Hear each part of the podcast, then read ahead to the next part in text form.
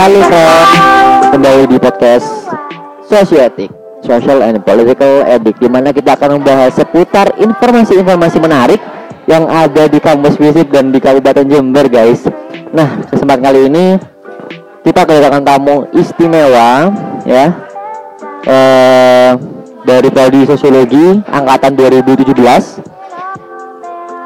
dan merupakan ketua demisioner eh demisioner ketua dari salah satu UKM yang ada di Visip. Nah teman-teman eh, dia juga dari kota Jombang.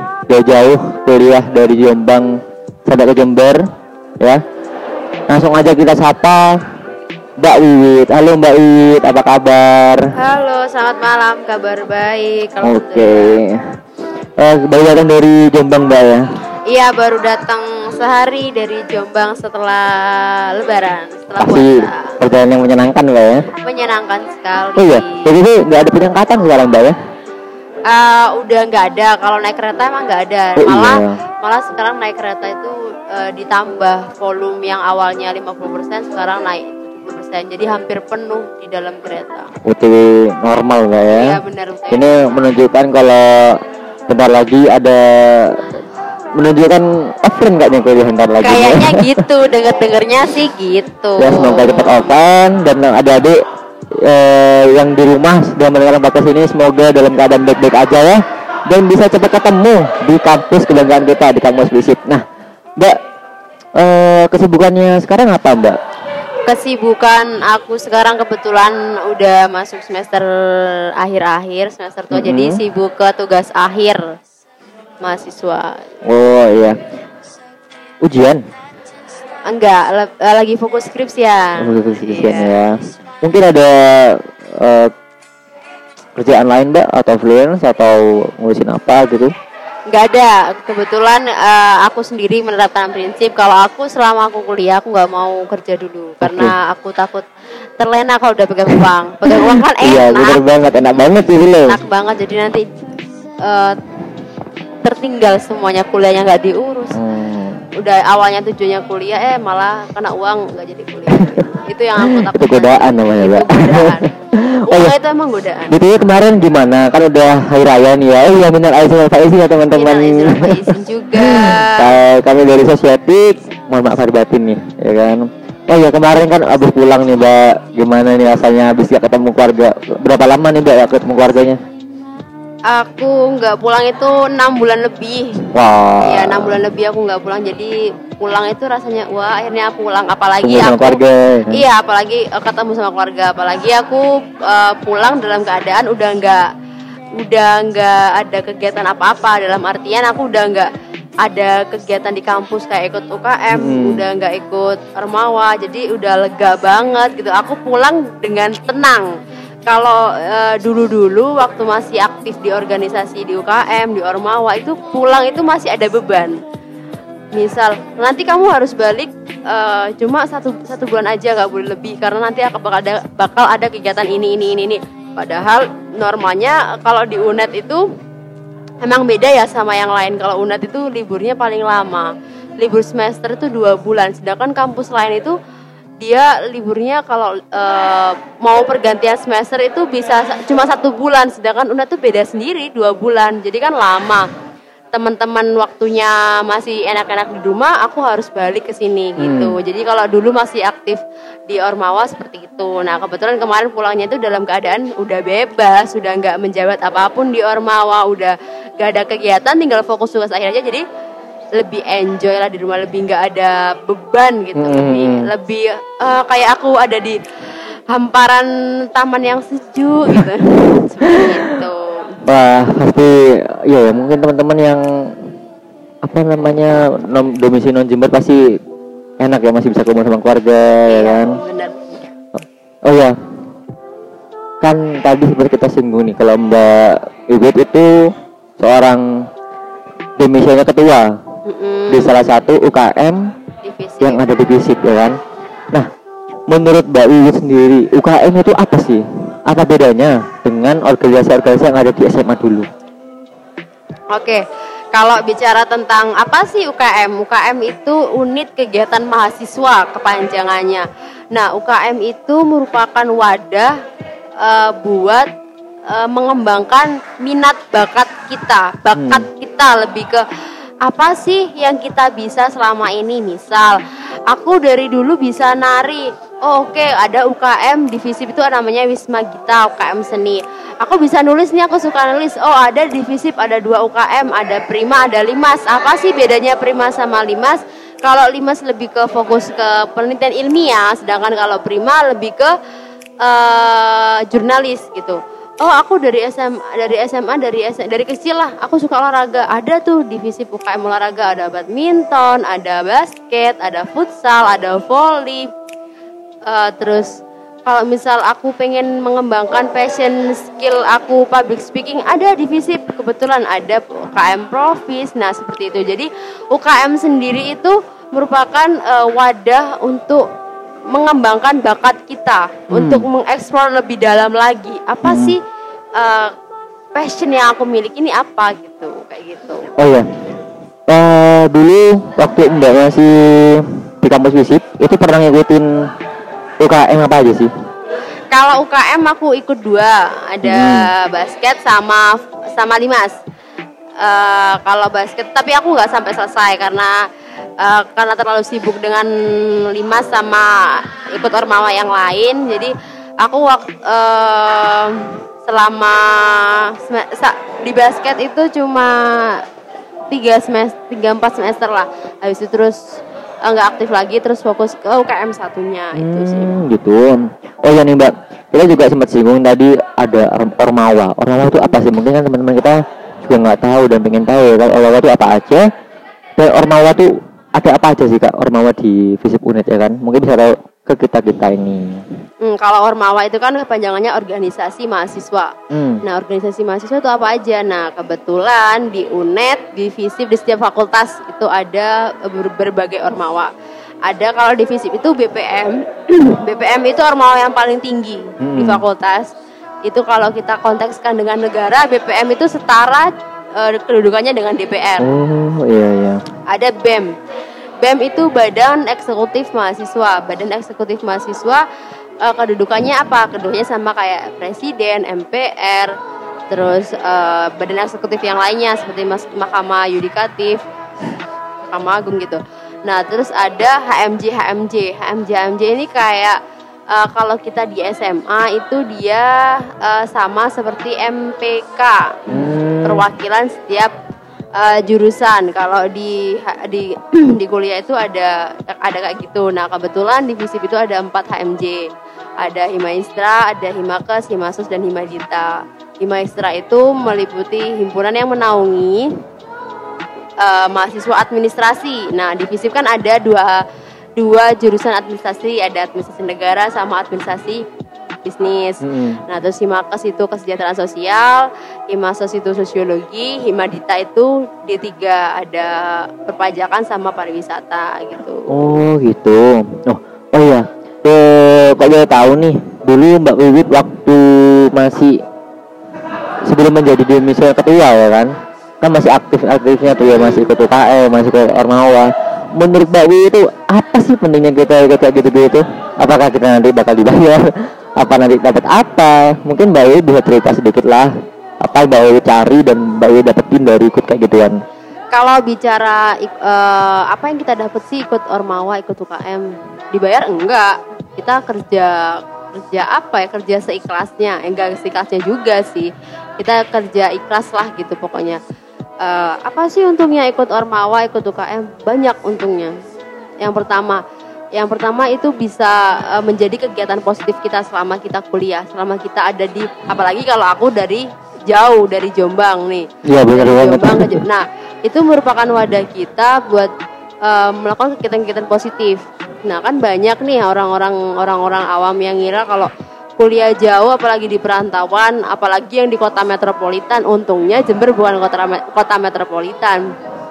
Itu pasti uh, kalau kalau uh, ditakutkan itu kalau nggak ikut nggak ikut apa-apa salah pergaulan itu hmm. berdampak negatifnya gitu jadi uh, ikut oh, ikut kegiatan, ikut organisasi mahasiswa itu penting banget, penting banget. Untung untungnya ya kita bisa dapat jaringan banyak, kita bisa buka buka jaringan banyak, terus kita bisa dapat pengalaman baru, Hmm, kita banget. bisa mengekspor diri kita menjadi lebih baik lagi, pengetahuan kita juga bertambah. Banyak deh pokoknya kalau kita aktif di organisasi itu pasti banyak memunculkan hal-hal positif.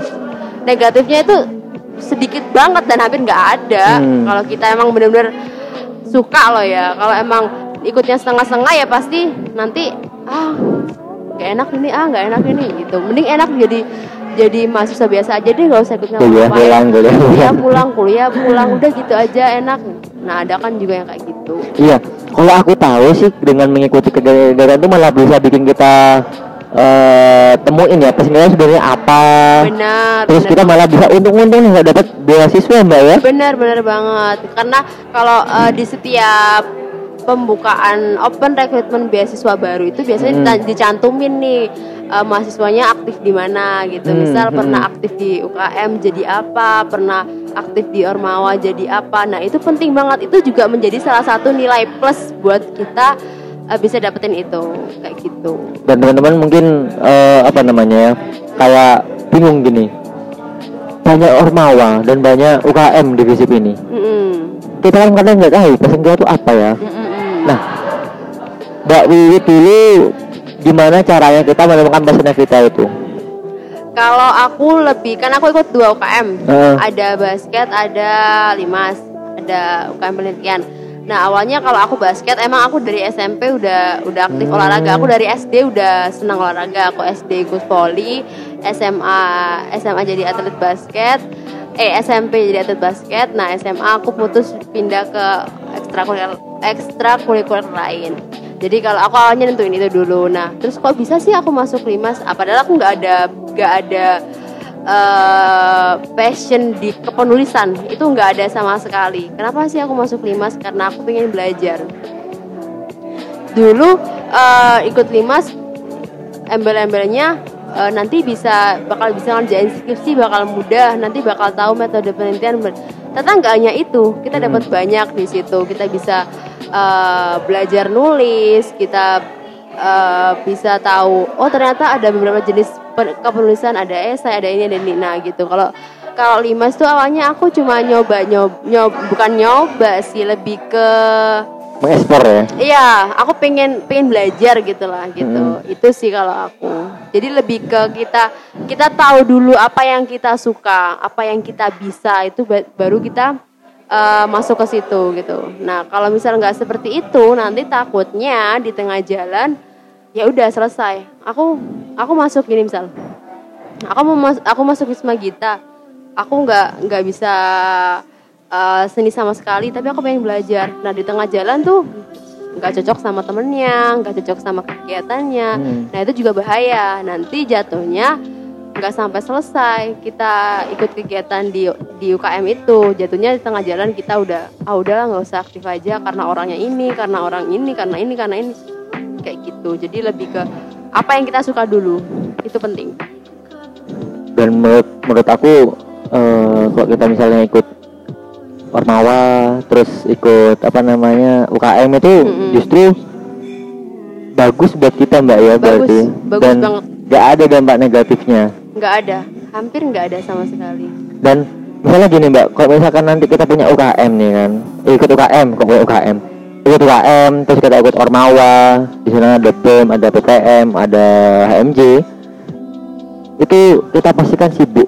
Mm-mm. tentu kita juga punya tugas kuliah ya kan? Benar. Itu eh, menurut mbak Wiwit itu gimana? Wajibkah kita ikut yang namanya eh, UKM dan sebagainya itu? Seberapa wajib sih? Kalau diukur dari wajib enggaknya wajib. Kalau aku pribadi wajib. Mm-mm. karena apa? Karena dari situ ya itu tadi yang aku bilang di awal kita bisa dapat banyak. Dapat pengalaman dapat pembelajaran baru kita bisa upgrade skill kita menjadi lebih baik lagi. Hmm. Bisa mengetahui pengetahuan-pengetahuan baru kayak gitu.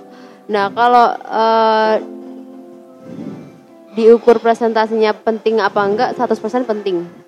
Usahakan buat teman-teman nanti eh, kalau udah masuk kuliah minimal lah ikut satu UKM atau satu ormawa yang kiranya buat kalian tuh nggak bakal diem gitu Dan nolak gitu Mbak ya. ya kalau udah nggak ada pengalaman sekali sama kuliah tuh sayang pasti nanti akhirnya nyesel gitu aku dulu selama empat tahun. Ah, iya iya ikut apa-apa gitu. Mhm. aku selama empat tahun gak ikut apa-apa. Sekarang aku jadinya gini di masyarakat. Apalagi kita setelah lulus kuliah itu visip kan pasti terjun ke masyarakat nih. bener banget. nah itu juga ada dampaknya juga. Kita kegiatan ikut organisasi-organisasi itu banyak dampaknya gitu. Jadi eh, kalau misal nggak ikut kegiatan organisasi mahasiswa itu sayang banget. Kita bakal kaku ketemu masyarakat kita bakal susah buat public speaknya gimana kita nggak tahu triknya menghadapi uh, Orang masyarakat gimana. iya Hmm. kayak gitu itu yang bakal susah gitu sih. Dan di UNER sendiri ini pun UKM-nya tuh nggak terlalu selalu semua ya karena kan ada UKM e-sport itu kan cuma doang Iya, ya kan. itu tapi buat- buat yang itu mewadahi gitu loh dan Benar. buat teman-teman yang sangat mewadahi banget kalau UNED tuh semu- Heeh, kayaknya nggak ada deh yang nggak diwadahi semuanya di semuanya ada disediakan sama disediakan. tinggal teman-teman sendiri milih dan mau ikut apa ikut gitu. apa gitu kan. Ya mungkin teman-teman ada yang suka tentara bisa ikut organisasi Menwa, menwa ya kan? bisa ikut menwa gitu. Mungkin teman-teman yang suka dengan penulisan bisa eh, mengikuti lima sih Mbak, ya bisa penelitian lima. gitu ya. Kalau mau tingkat universitas ada pelita itu Eh, gitu. benar banget tuh teman-teman. Nah dari eh kita masih bahas soal UKM sama Ormawa. Nah di UKM sama Ormawa ini kan tentu banyak dinamika-dinamika yang ya kayak konflik lah antara ketua. Biasanya kan ketua konflik sama Hmm. pengurusnya itu kayak gimana mbak ngadepinnya?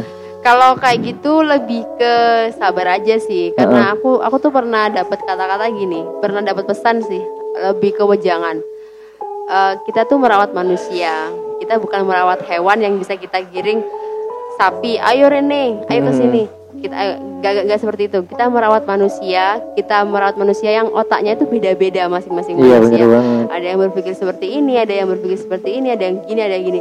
Dan kita tuh nggak bisa menyamakan apa yang Iya, kita iya, mau ada di semua. Itu nggak bisa. Jadi lebih ke kita memahami apa sih, eh, misal kenapa sih kok pengur, misal aku udah jadi ketua ya, dulu ada pengurusku beberapa yang hilang. Kenapa sih kok dia bisa hilang? Oh karena ada ini. Oh apa sih konfliknya?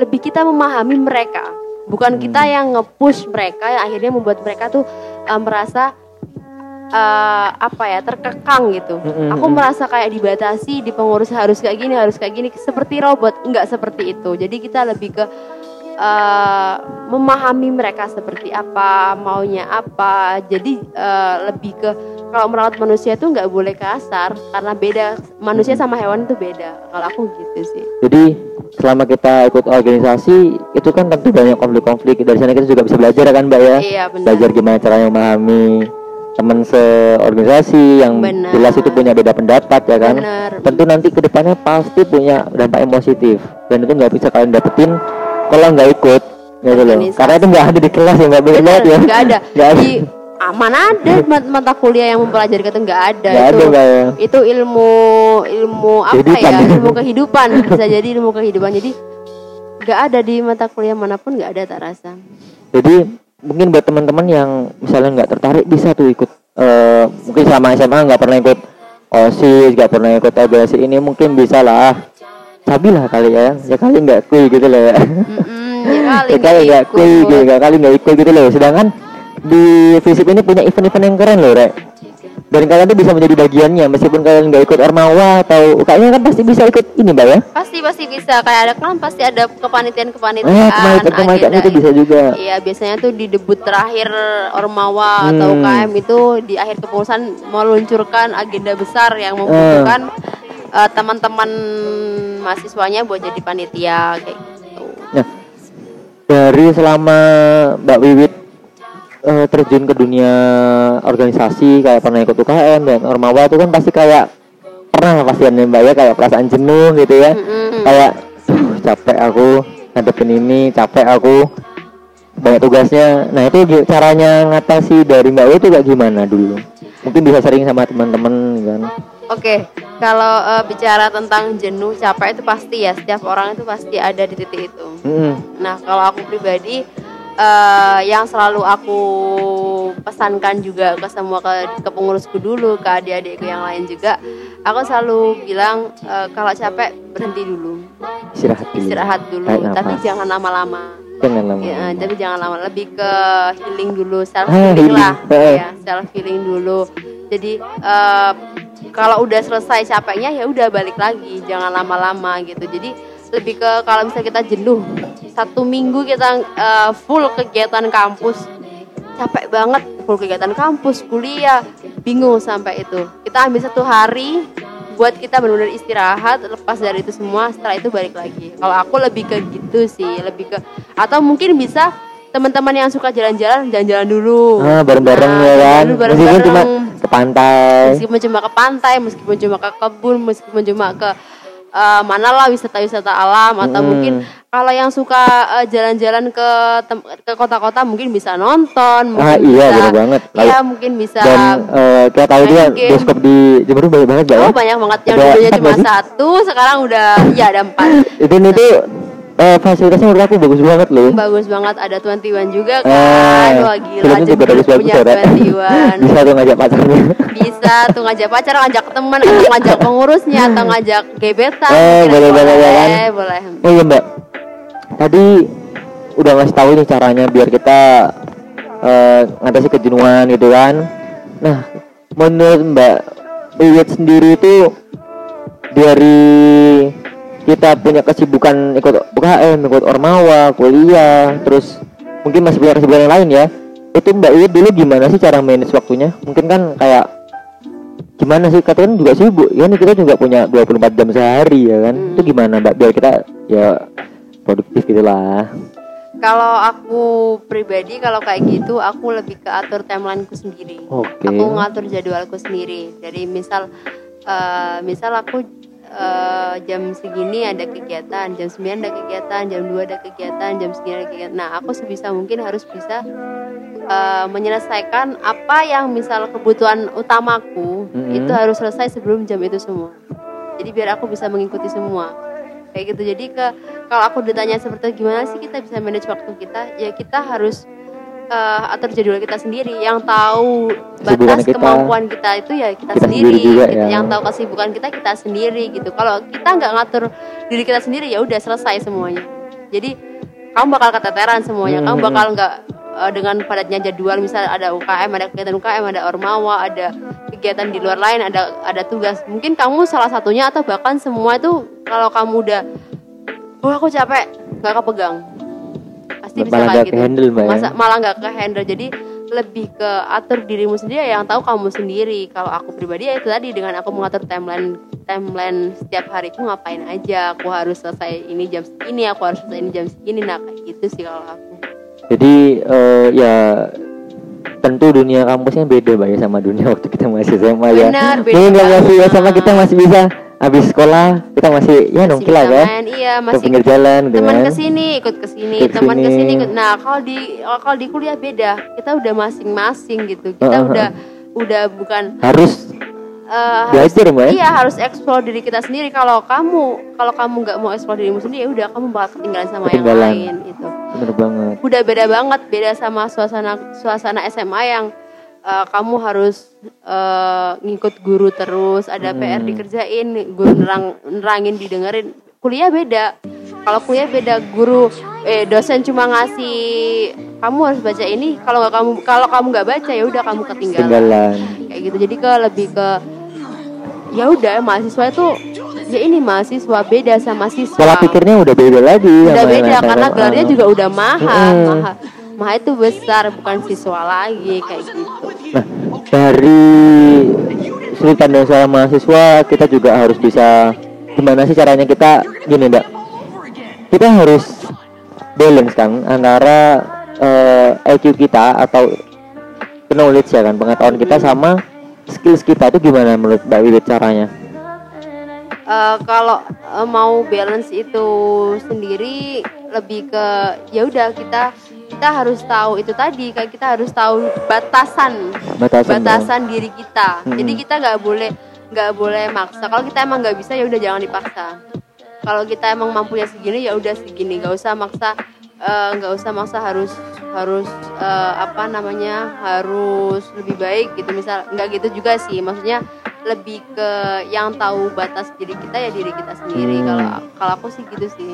Dan aku juga pernah itu cerita dan waktu aku masih SMA itu pernah punya temen yang mana dia tuh kayak kok apa ya kita biasa nyebutnya ambis gitu loh mbak oh ya ambisi dia tuh ambisnya tuh semua eskul diikutin Oh. kayak biasanya kan eskul namanya ya. Kuat banget.